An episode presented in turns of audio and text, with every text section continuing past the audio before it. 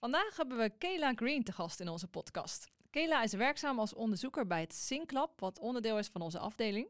En hier werkt zij aan haar proefschrift over welzijn en hersenontwikkeling bij jongeren en jongvolwassenen. Specifiek kijkt zij naar individuele verschillen in de ontwikkeling van gedragsprocessen en neurale processen in relatie tot welzijn. En daarbij kijkt ze naar de interactie tussen onze omgeving en onze hersenen. Complex en belangrijk onderzoek waar we het zo over gaan hebben.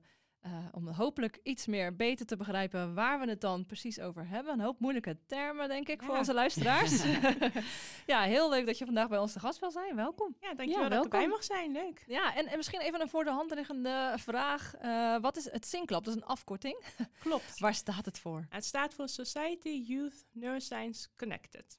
Nou, dat klinkt precies als jouw onderzoek. Ja, wat een toeval. nou, hè? Heel toevallig inderdaad.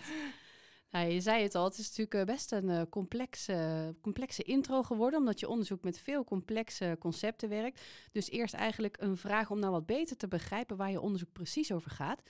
Dus kan je wat meer vertellen hoe en waarom je naar individuele verschillen in die gedragsprocessen en neurale processen die bij stemming en emoties horen, uh, waarom je daarnaar kijkt in je onderzoek? En wat moeten mensen zich daar dan precies bij voorstellen?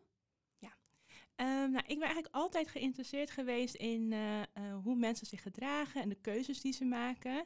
En daarbij ook de individuele verschillen en welke factoren dan een, een rol kunnen spelen. Mm -hmm. En als we het dan over gedragsprocessen hebben, dan bedoel ik eigenlijk ge, ja, veranderingen in gedrag. Dus uh, oh, als ja. je opgroeit als kind, als jongere, dan leer je de vaardigheden en de skills die je bijvoorbeeld nodig hebt uh, om sociale relaties aan te gaan, vriendschappen, uh, om jezelf te ontdekken, je identiteit te ontwikkelen. Denk bijvoorbeeld je kunnen inleven in de ander, een perspectief mm. kunnen nemen ja. om te weten van hoe een ander zich voelt. Nou, dat zijn allemaal vaardigheden en skills die je in die periode leert. En dat noemen wij uh, gedragsprocessen. Okay. En met uh, neurale processen bedoelen we eigenlijk alles wat er in het brein gebeurt. Dus je brein is hartstikke actief. Uh, het staat eigenlijk nooit stil. Dus ook als je slaapt is het gewoon bezig. bezig. Inderdaad, ja. precies. En maar goed ook. En nou, die veranderingen die in, in het brein plaatsvinden, zowel tijdens de kindertijd en de puberteit, maar ook gewoon als je volwassen bent. Ja, dat noemen wij neurale processen. Oké, okay. nou dat is verhelderend. Dat is heel veel hè, bij elkaar. Ja. Dat is eigenlijk ja. gewoon, nou ja, alles wat er dan voor, voor, een, voor een kind en een jongvolwassene speelt, dat kan onder die gedragsprocessen vallen. Ja, en dat maakt het ook zo complex, omdat ja. het natuurlijk best veel veel is, uh, inderdaad. Ja, ja. precies. Nou, dan gaan we nu te horen krijgen waar jij dan uh, specifiek naar kijkt waarschijnlijk, hoop ik. Ja. uh, want jij, jij kijkt eigenlijk in je onderzoek naar de combinatie tussen die twee. Dus het brein veranderingen in het brein en veranderingen in het gedrag die daar dan mee uh, gepaard gaan. Uh, en specifiek richt jij je erbij op adolescenten. Uh, en waarom is dat zo belangrijk dat we kijken naar deze processen bij adolescenten? Um, ja. ja.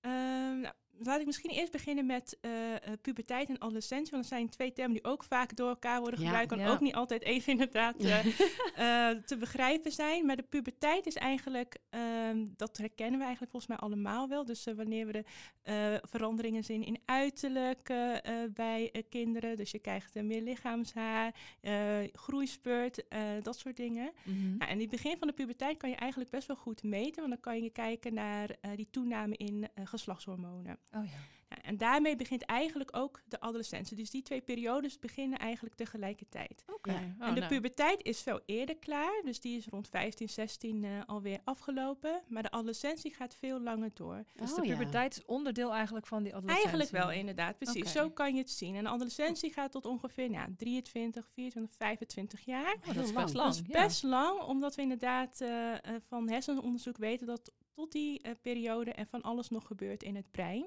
Ah, ja. En wat je dan ziet is dat het per cultuur en per land een beetje verschilt wanneer we denken dat iemand eigenlijk volwassen is. Wanneer je ah, ja. uit die adolescentie bent. Precies. Ja. En wat ik dan meestal als voorbeeld geef is als je bijvoorbeeld kijkt naar uh, de regels en wetten die er zijn van wanneer iemand mag drinken of wanneer iemand oh, mag stemmen of autorijden. Mm. Verschilt heel erg per land. Ja. Um, en dat geeft een beetje een indicatie van dat dus het einde van de adolescentie minder makkelijk in kaart te brengen is. En dat dat dus een beetje een grijs gebied is. Oh ja, ja, ja. Ja, en is het dan ook zo dat, um, um, zeg maar, die, dat, dat je dat, want je zegt het begin kunnen we heel goed meten met die hormonen, uh, die dan heel erg toenemen.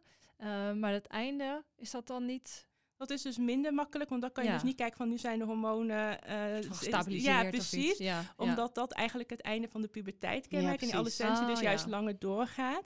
Eh. Maar wat we van eh, hersenonderzoek weten is dat in de adolescentie dus veranderingen plaatsvinden in het brein. Mhm. Dus het is een, een periode, eigenlijk een groeispurt die in het brein plaatsvindt, waarbij je ziet dat hersenverbindingen sterker of zwakker worden. Dus eigenlijk wordt er gesnoeid in het brein. Dus verbindingen die je heel veel gebruikt, die worden sterker. En hersenverbindingen die je minder gebruikt, die zwakken eigenlijk af. Ja. En dat proces, het einde van een beetje dat proces, dat is ongeveer rond 23, 24, 25 Precies. jaar. Ja. Ja, en wat het dan zo interessant maakt, die periode, is Ja. dat dus niet alle hersengebieden op hetzelfde tempo ontwikkelen. Dus je ziet bijvoorbeeld dat gebieden die te maken hebben met eh, emotie, eh, beloning en motivatie, dat die zich sneller ontwikkelen en dat die ook veel actiever zijn bij jongeren dan bijvoorbeeld bij kinderen of volwassenen.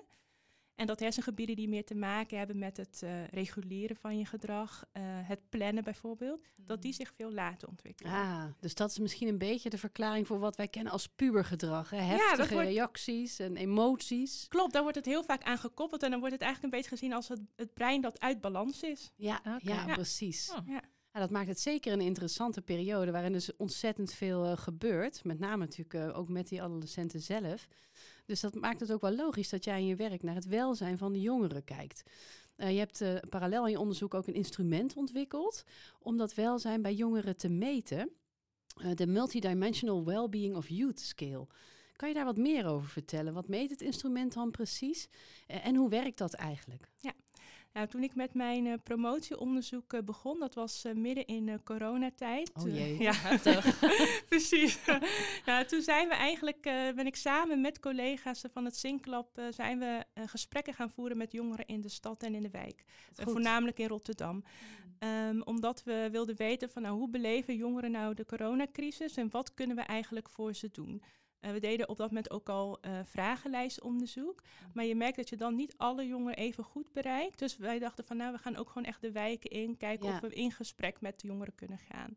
Nou, en vanuit daar eh, hebben wij een eh, platform ontwikkeld. Dat heet Oké. Young Experts. Mhm. Waarin we eh, als doel hebben aan de ene kant wetenschapscommunicatie. Dus het delen van kennis die we hebben met jongeren.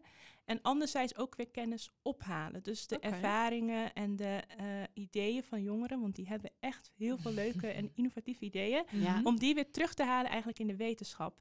Nou, en vanuit dat perspectief is eigenlijk die vragenlijst ontstaan. Ehm, welzijn is een complex begrip, omdat Ja. het eigenlijk van alles betekent. Het Ja. wordt ook, eh, soms bedoelen we mentale gezondheid, eh, dan bedoelen we stemming. Ja. Dan, Mhm. het, het is eigenlijk een paraplu-term wat van alles betekent. En ik was dus benieuwd van wat, wat vinden jongeren nu eigenlijk zelf ervan? Wat, Ja. wat is welzijn voor hen? En ehm, als we dat zouden moeten meten, hoe moet je dat dan doen? Ja. Wel op zich een eh, mooie periode om ja, dat te meten. Want het werd natuurlijk heel erg belangrijk eh, Ja, in één keer. en ook wel eh, uitdagend soms hoor. Want dan eh, hadden we weer bijvoorbeeld een lockdown en dan moesten we weer over naar online. En dan konden wel weer dingen. Dan kon ik dan bijvoorbeeld wel weer in een buurthuis of naar een school gaan. Dus het vroeg ook van ons, zeg maar, best wel Flexibiliteit. Flexibiliteit, Ja. inderdaad. Zeker. Maar het levert wel echt wel ehm, voor mij nieuwe kennis en perspectieven Ja. op. eh, waardoor ik dus eh naar die vragenlijst dus echt in co-creatie met jongeren heb eh, Ja, kunnen mooi. maken. Ja, heel mooi. Want je noemde net al dat hè, je deed al eerder wel ook met je collega's onder, onderzoek met vragenlijsten. Ja. En kun je wat meer uitleggen over wat dat eigenlijk precies betekent en waarom dat, laten we zeggen, in de ouderwetse zin van het woord niet zo goed werkte en waarom die co-creatie met jongeren dan juist zo belangrijk is? Want dat is best vernieuwend, hè? Ja, nou kijk, we ge- gebruiken vragenlijsten nog steeds hoor. Het is niet zo dat we nu eh, dat niet meer doen. Mhm. Het is alleen wel zo dat sommige vragenlijsten echt al eh 40 of 50 jaar Ja. oud zijn. Ja. En dan is het gewoon af en toe toch wel fijn om eventjes bij stil te zijn en na te denken van... Goh, is er misschien in de tussentijd iets veranderd? Ja. Zijn deze vragenlijsten nog wel eh, up-to-date? Ja. En eh, zeker als we kijken naar deze generatie jongeren die met eh, grote uitdagingen te maken hebben. Dus de coronacrisis is daar maar één van. Ik we hebben ook nog een klimaatcrisis, Ja. een wooncrisis. Nou, die lijst kan nog wel even doorgaan volgens mij. Ehm, dus het is niet niets waar deze generatie eh, jongeren mee te maken heeft. En dan is het dus heel erg interessant om te kijken van... ehm, Betekent dit dan ook dat zij dan an- bijvoorbeeld anders naar welzijn kijken? Of dat de manier waarop wij dan welzijn meten, dat dat misschien om een net iets andere benadering vraagt dan we tot nu toe steeds hebben gedaan? En eh, dat stukje co-creatie, dat is ook een manier om dus jongeren te bereiken die je doorgaans niet zo makkelijk eh, bereikt met bijvoorbeeld MRI-onderzoek wat we doen en die vragenlijsten. Oh, ja. Ehm, je ziet toch nog steeds dat heel vaak de jongeren die meedoen, eh, dat dat een groep jongeren is die vaak eh, theoretisch opgeleid is. Dus eh, Ja. VWO doet Ja. voornamelijk. Ook van ouders die een zo'n soort opleiding hebben gedaan. eh, van eh, middel tot hoge SCS. eh, vaak toch nog ook wel zonder eh bio- of multiculturele eh, eh, achtergrond. Ja, Nou, en als je dus die groep wat eh, representatiever wilt maken, dan moet je dus ook ja, nieuwe manieren vinden Ja. om dan die jongeren eh, te bereiken. Ja, en dan de wijken ingaan en het gesprek aangaan en in co-creatie met hen iets ontwikkelen. Dat is dan een Ja. manier waarop je dat eh, kan doen. mooi. Ja, Ja. heel mooi. Ja, want je noemde het al en dan kan ik me goed voorstellen dat als je dus inderdaad zo'n fMRI-studie doet, in een hersenscanner gaan liggen in een ziekenhuis, Nou, daar kom je niet Een iedere uur dag, lang. een uur lang. ja. Dus hoe kom je erbij om mee te doen? Ja. En kom je dan inderdaad in die omgeving terecht? Dat en, is en- past dat ook. bij wat je verder in je leven doet? Mm. Ik kan me voorstellen dat het inderdaad heel interessant is om te kijken hoe bereiken we een andere groep jongeren die we voorheen nog niet eh, bereikt Precies. hebben. Ja, Wat, wat was nou eigenlijk een van de verrassendste inzicht of bijdragers van een jongere die jij je zo op dit Ja. moment kan herinneren? Want dat lijkt me heel, heel bijzonder om dan ook echt verfrissende input te krijgen, Ja. lijkt me. Nou, voor mijn vragenlijst bijvoorbeeld, eh, ik, had in, eh, ik was begonnen met zelf uit de literatuur eerst een, een, een Mm. versie maken. Dus ik had zelf al een lijstje van, nou, dit weet is wat we uit de literatuur heel belangrijk weten. natuurlijk. Inderdaad, precies. Ja. Want het, moet, het is ja, een erg startpunt. Ja, startpunt is inderdaad wetenschappelijk onderbouwd. En eh, toen kwam ik daar en er was er gelijk al een x-aantal items dat ze zeiden van... Ja, maar wat bedoel je hiermee? Ja. Oh ja. En dacht ik van, kijk, zie je, het, het is niet eens duidelijk. Dus wat meet ik dan eigenlijk? Ja. Dus, Mm. dus het, het begrijpbaar maken, dat is al een, een, een ding. En dat ze dus zelf ook met ideeën kwamen. Dat ze bijvoorbeeld zeiden van, ja, maar ik mis bijvoorbeeld nog een vraag over... of ik me wel veilig voel in mijn omgeving. Ah. Of eh, Ja. je hebt hier heel veel vragen over bijvoorbeeld eh, uiterlijk, maar daar gaat het eigenlijk niet over. Het gaat meer van of je jezelf kan accepteren zoals je bent. Ja, en zo Ja, ben ja, ik ja. dan veranderingen gaan maken aan die vragenlijst. Ja, dat is echt heel eh, waardevol. Maar ik heb ook hele andere dingen hoor, dat het helemaal niet over die vragenlijst ging. Maar dat ze bijvoorbeeld op een gegeven moment allemaal vragen instellen over van... Ja, en hoe ben je hier terechtgekomen? Wat ging je studeren? Hoe doe je dat dan? Dus ook gewoon Ah. vragen over mijn werk als wetenschapper. En dat Ja. vind ik ook heel erg leuk. Ja. Ja, mooi hè, dat je het net Ja. ook al eerder noemde, dat je meerdere doelen eigenlijk dient. Dus Ja. je gaat een instrument eigenlijk verbeteren omdat je met jongeren werkt. Je maakt jongeren geïnteresseerd in, in de wetenschap en zelfs eigenlijk een beetje als rolmodel dus. Dat is wel heel ja, mooi. en dat is echt heel erg leuk. En ik ben eh, elke keer ook weer verbaasd als jongeren dan soms zeggen van... Oh, maar w- jullie zijn toch de expert, jullie zijn de wetenschappers. Dus wat, wat kom je mij vragen? Ja. En dan denk ik van nee, jullie zijn volgens ons juist de Ja, expert. Jullie zijn jongeren, inderdaad, ja. precies. Ja. En, ehm, en het vraagt soms dus ook een beetje een, een nederige positie als Ja, wetenschapper. Dat je dus ook inderdaad daar naartoe gaat en dat je zegt van ja, ik kom van jullie leren vandaag. Ja, Ja. mooi. Ja, Ja. heel Ja. mooi. Ja, en nog even om een iets beter beeld te krijgen bij die, eh, die schaal die je dan hebt ontwikkeld. Wat moeten we ons daarbij voorstellen? Wat zit daar dan nu in? Ja, het is uiteindelijk dus een vragenlijst geworden en eh, de naam zegt natuurlijk al een beetje multidimensional. Dus het eh, Mhm. zijn eh, meerdere aspecten van welzijn die Ja. erin zitten. En dat was ook ons doel. Nou, één daarvan is bijvoorbeeld het gevoel hebben dat je impact hebt en dat je leven betekenis ja. heeft. Hm. Eh, Ja. We weten uit eerdere onderzoeken dat eh, jongeren een behoefte hebben om een bijdrage te leveren aan de maatschappij. Dat zagen we tijdens de coronacrisis ook al, dat ze elkaar helpen, maar ook ouderen door bijvoorbeeld Oh ja. boodschappen te doen en dat Ja. soort dingen. Ja. Eh, dus eh, dat zie je bij de adolescentie in die periode is heel sterk. Ehm, er kwam een aparte schaal voor familie. Dat was enigszins verrassend, want ik dacht dat Oh we, eh, familie en vrienden of bij elkaar zouden zijn, of een aparte schaal voor vrienden, omdat we weten dat vrienden heel belangrijk zijn voor jongeren. Maar familie kwam dus als eh, aparte eh, ja, het domein naar voren in de vragenlijst. Dus dat vond ik eigenlijk ook wel heel mooi om te zien. Het laat ook zien Ja. dat eh, het zeker niet is dat vrienden familie vervangen, maar dat eigenlijk ze allebei even belangrijk blijven. Mhm. Ja, en een ander domein wat ik ook heel erg mooi vond om te, zoen- eh, om te zien was het gevoel hebben dat je geliefd bent, dat je gerespecteerd Mm. wordt en gewaardeerd. Ja, ja waardering. En, ja. en eh, daar zaten dus ook bijvoorbeeld heel veel vragen in over van heb je het gevoel dat je gehoord wordt, dat je gesteund wordt. Nou, en ook dat merk je eh, zeker in deze periode van uitdagingen, dat jongeren echt die behoefte hebben dat eh, hun stem serieus genomen wordt. Ja, en dat is dus Ja. ook een van de doelen die we met het platform hebben, is dat, eh, dat de stem van jongeren dus een plek krijgt en dat er ook echt iets met die stem gedaan wordt. ja. Ja. Dat is mooi, want eh, er zitten ook echt wel linken met... Ik doe zelf onderzoek naar welzijn bij werknemers. Ja. Eh, en dat zijn natuurlijk vaak mensen van 18 plus. Ja, Eh, dus misschien ook nog wel adolescenten voor een klein ja, deel. Maar ja, zeker. Ja. eigenlijk van alles. En dat Mogelijk wel dus, ja. Ja, ja. Maar goed, daar richten wij ons natuurlijk niet specifiek op. Wij kijken meer naar in het algemeen de hele groep. Ja. En dan zie je dat het meaningfulness, dus betekenisvol Ja. werk, maar ook erkenning, waardering, dat dat inderdaad ook Ja. voor die groepen hele belangrijke factoren zijn. Ja, precies. Mooi en wat, natu- wat ook misschien nog interessant is, en een beetje een linkje met jouw werk. Ehm, bij die brainstorms die ik dus met jongeren had, kwam eh, prestatiedruk en eh, ja. eh, schoolstress of studiestress ja. of, of stress Mm. door werk. kwam dus heel vaak eh, naar voren. hè? Ja, dus, dus dat is eigenlijk de andere kant van, Ja. dat ill-being. Ja, precies, ja, de andere kant inderdaad. van welzijn. dus eh, in, in deze vragenlijst zijn er dus ook best wel wat items die daarop eh, ja. gericht zijn op dat eh, stukje, omdat het natuurlijk ook nog natuurlijk een groot deel van hun leven is. Maar als ik ze bijvoorbeeld, eh, begon namelijk elke sessie met schrijf op een post-it even op als je een cijfer, als je je leven een cijfer moet geven, wat voor eh, cijfer je leven zou geven op een schaal van 1 tot met 10. Oh. Nou, dan hoefden ze dan niet met mij te delen, maar ze moesten dan op een tweede post-it schrijven wat nou de dingen waren waar ze aan moesten denken toen ze hun leven een cijfer gaven. En zo probeerde ik eigenlijk welzijn een beetje te introduceren zonder Ah, dat ik ja. zelf een definitie gaf. Ah ja. Ja. Nou, Ja. En dan komt dus eh, eh, studie, school, prestatiedruk, eh kwam echt bijna bij iedereen eh, op, de, op die wel post-it dus heftig, te staan. Nou, Ja. zeker. Ook mooie dingen hoor, maar dat, dat, dat viel wel op. Je Ja. hebt met de vragenlijst natuurlijk ook metingen gedaan. Zag je daar een vergelijkbaar resultaat of wat heb je gevonden in de studie die je met de vragenlijst hebt gedaan? Nou, we zien inderdaad dat eh, een, een groot deel van de jongeren, dus eh, ongeveer 60% kwam in onze vragenlijst naar voren, dat die eh, zich mentaal uitgeput voelen Oh, door school of studie. Ehm, nou, en ik moet wel zeggen dat dit nog wel tijdens coronaperiode eh onderzocht is. Dus het is nu de vraag of, of het nu nog steeds zo is of dat het eh, misschien veranderd is. Maar je ziet uit eh, van meerdere nieuwsberichten dat prestatiedruk en stress door verwachtingen, Ja. dat dat een, een ding is. En niet alleen bij jongeren, maar ook meer jongvolwassenen, dus de, Ja. de twintigers. Studenten ook, Ja, studenten inderdaad. Ehm, hier op de Erasmus Universiteit zijn ook volgens mij volop mee bezig eh, Mm. met het welzijn van, eh, van de studenten. Dus het is toch Zeker. een thema dat eh, ja, nog steeds gaande is. Ja, de groep is groot, hè? 60% Dat vind ik echt inderdaad indrukwekkend. Ja. Ja, en je hebt meerdere metingen kunnen doen hè, in de studie. Dus zie je dan ook over meerdere metingen heen al veranderingen optreden? En wat ik in, in die studie vooral eigenlijk vooral bekeken heb, is de effecten van de eh, pandemie op eh, gevoelens van spanning en depressie.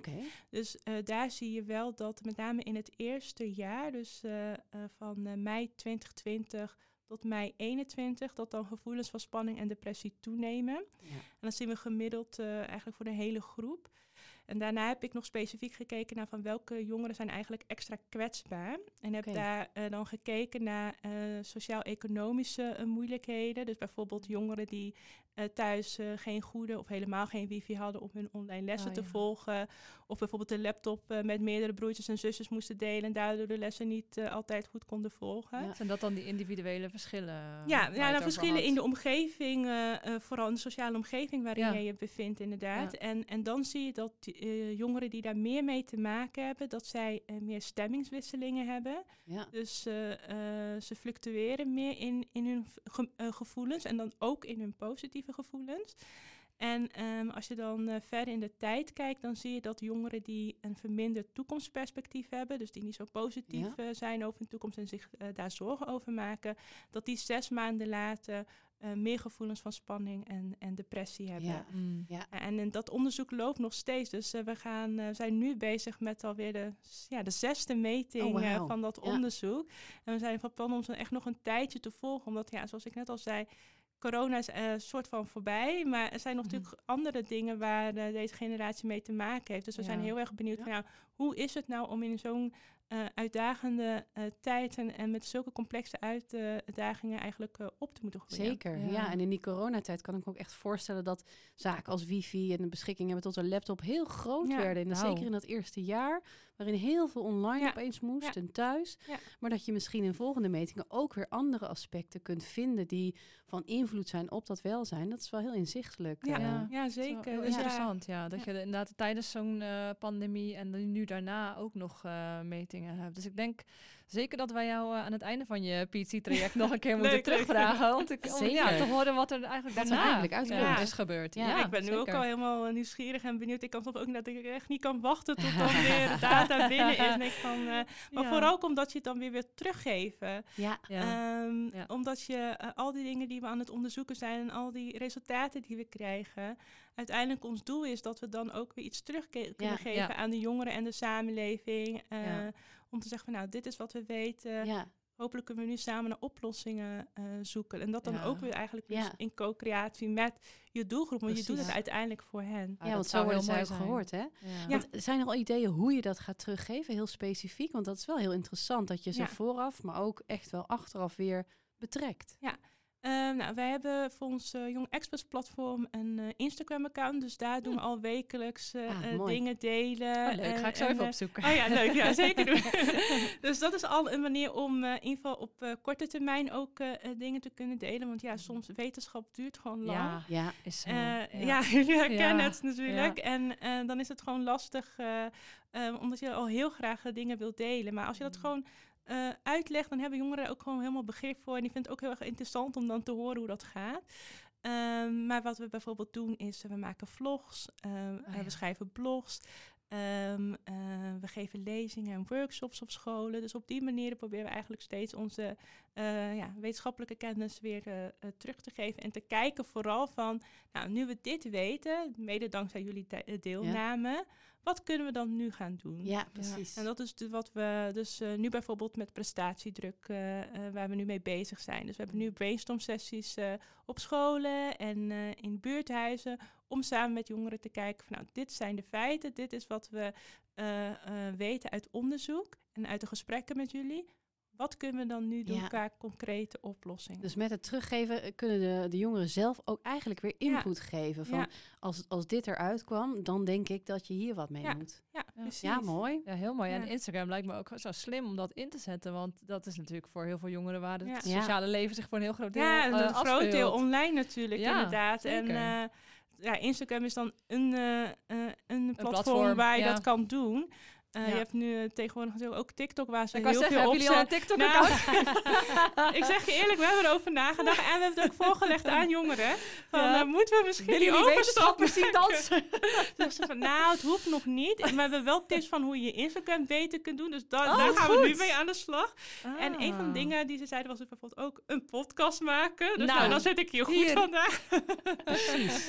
Ehm, maar ja, dus ja, ook, ook daarin gaan we dus met jongeren in gesprek. Van ja, Ja. Hoe, moeten we het dan teruggeven? Ja, dat is denk ik wel heel mooi, want je Ja. noemde het al over de vragenlijst, maar dat Ja. gaat eigenlijk net zo goed op voor onze Ja. communicatie Ja. als wetenschappers. Ja.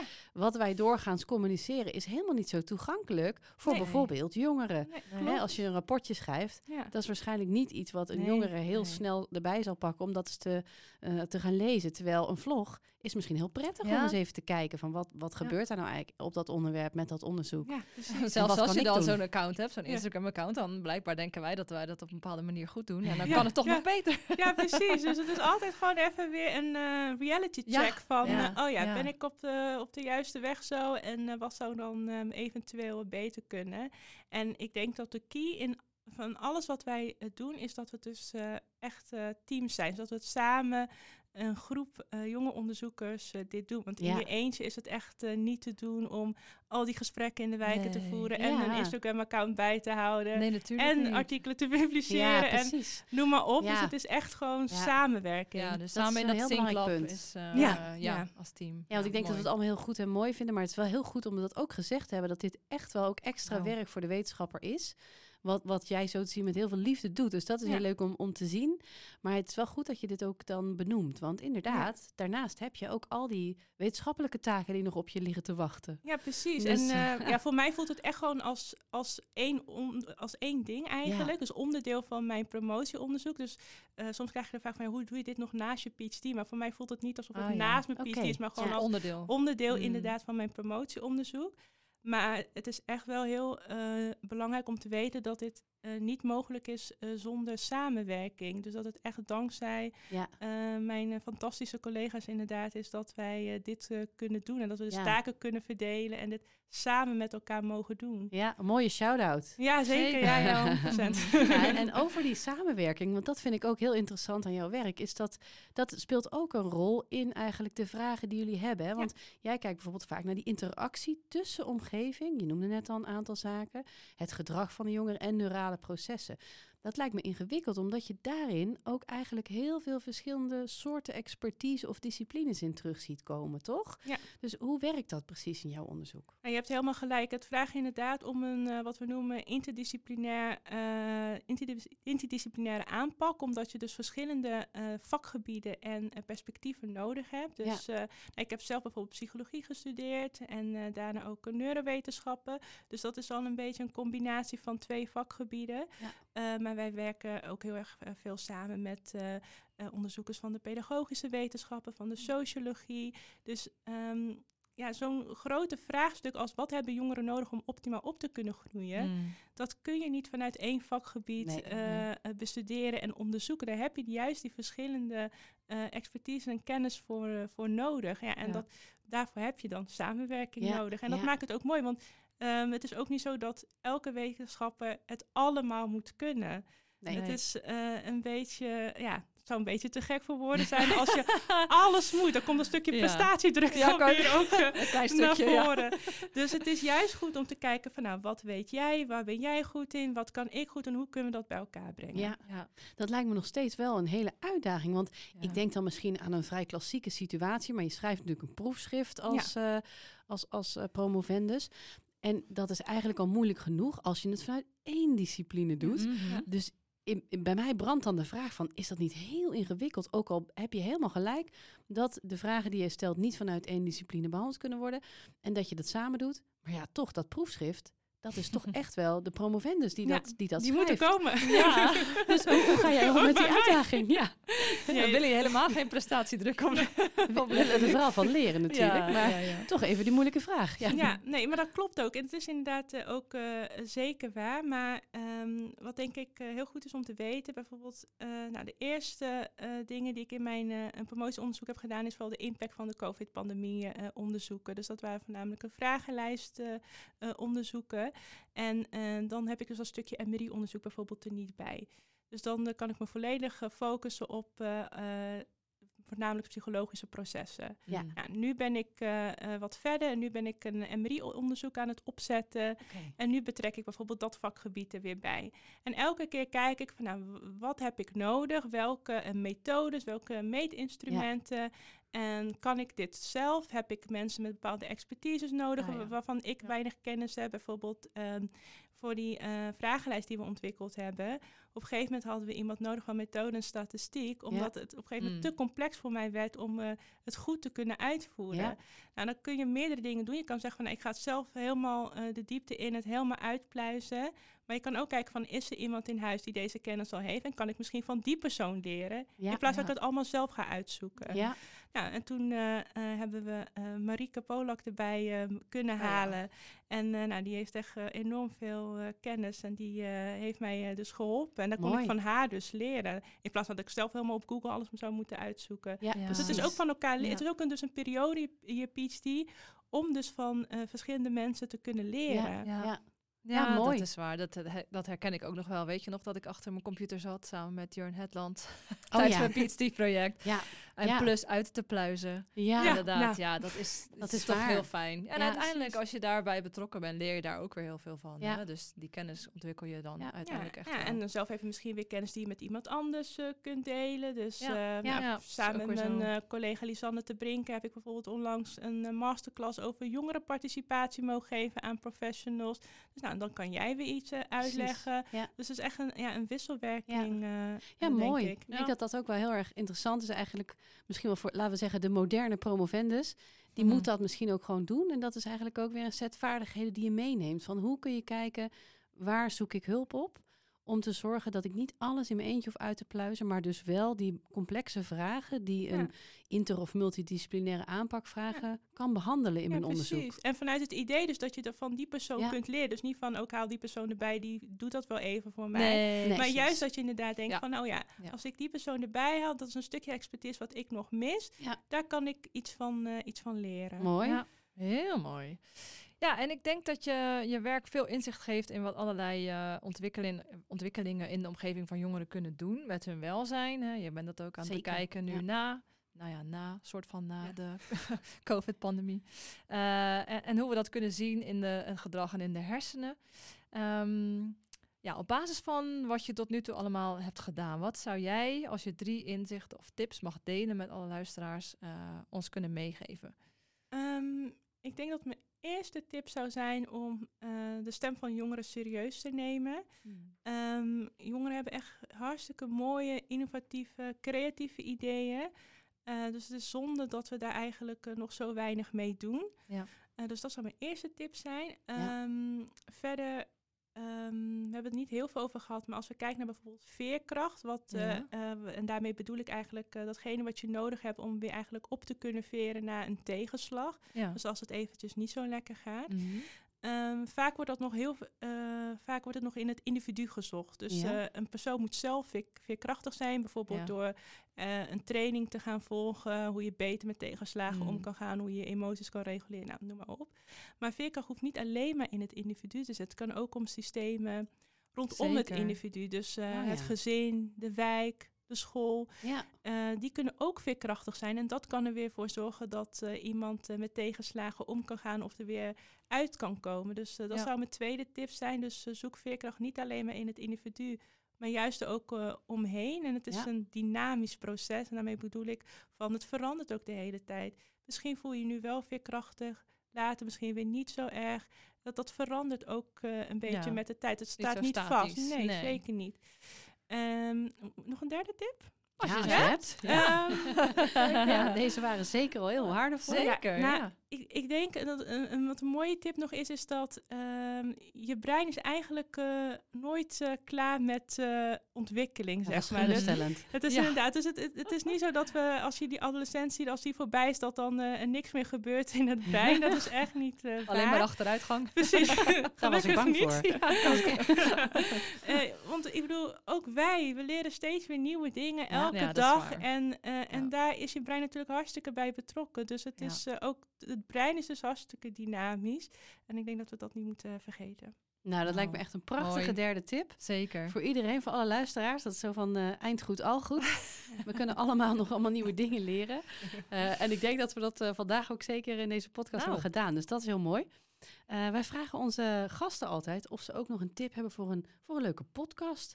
Een andere podcast, misschien nadat je deze dan hebt geluisterd natuurlijk. Eh, en we hebben heel veel leuke tips al gehad. En we zijn benieuwd naar jouw tips. Heb je nog een tip voor een leuke podcast? Ehm, nou, voor jongeren zelf, eh, er is een eh, podcast die echt voor en door jongeren wordt gemaakt. Dat Oh, heet eh Roffa. En die, leuk. Is echt heel erg leuk en die nemen het ook op, dus je kunt ze ook gewoon zien. En Ah, ja. ze gaan ook de straat op en, en de wijken in. En dan leggen ze bijvoorbeeld jongere stellingen voor. Oh, dus die zou leuk. ik zeker aanraken, ook als je niet jong bent. eh, Goeie tip. zou ik die zeker kijken. En verder, eh ja, zijn zoveel leuke podcasts. Volgens mij heeft de Jonge Academie nu een nieuwe. Dus dat vind ik zelf heel erg interessant Ja. natuurlijk als, eh, als wetenschapper.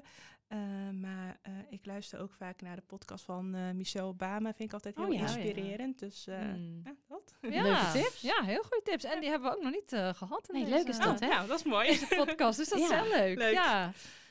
Ja, dankjewel dat je er was. Nou, graag gedaan. Bedankt, bedankt. dat ik er mocht zijn. Ja, het was heel leuk om je te spreken Nou. en meer over je werk te leren. Absoluut. Dankjewel. Dankjewel. Bedankt voor het luisteren naar weer een nieuwe aflevering van de Deepex podcast. Deze en andere afleveringen kunnen jullie vinden via je favoriete podcastplatform. Of volg ons door met ons te linken op LinkedIn en blijf op de hoogte van de nieuwste aflevering.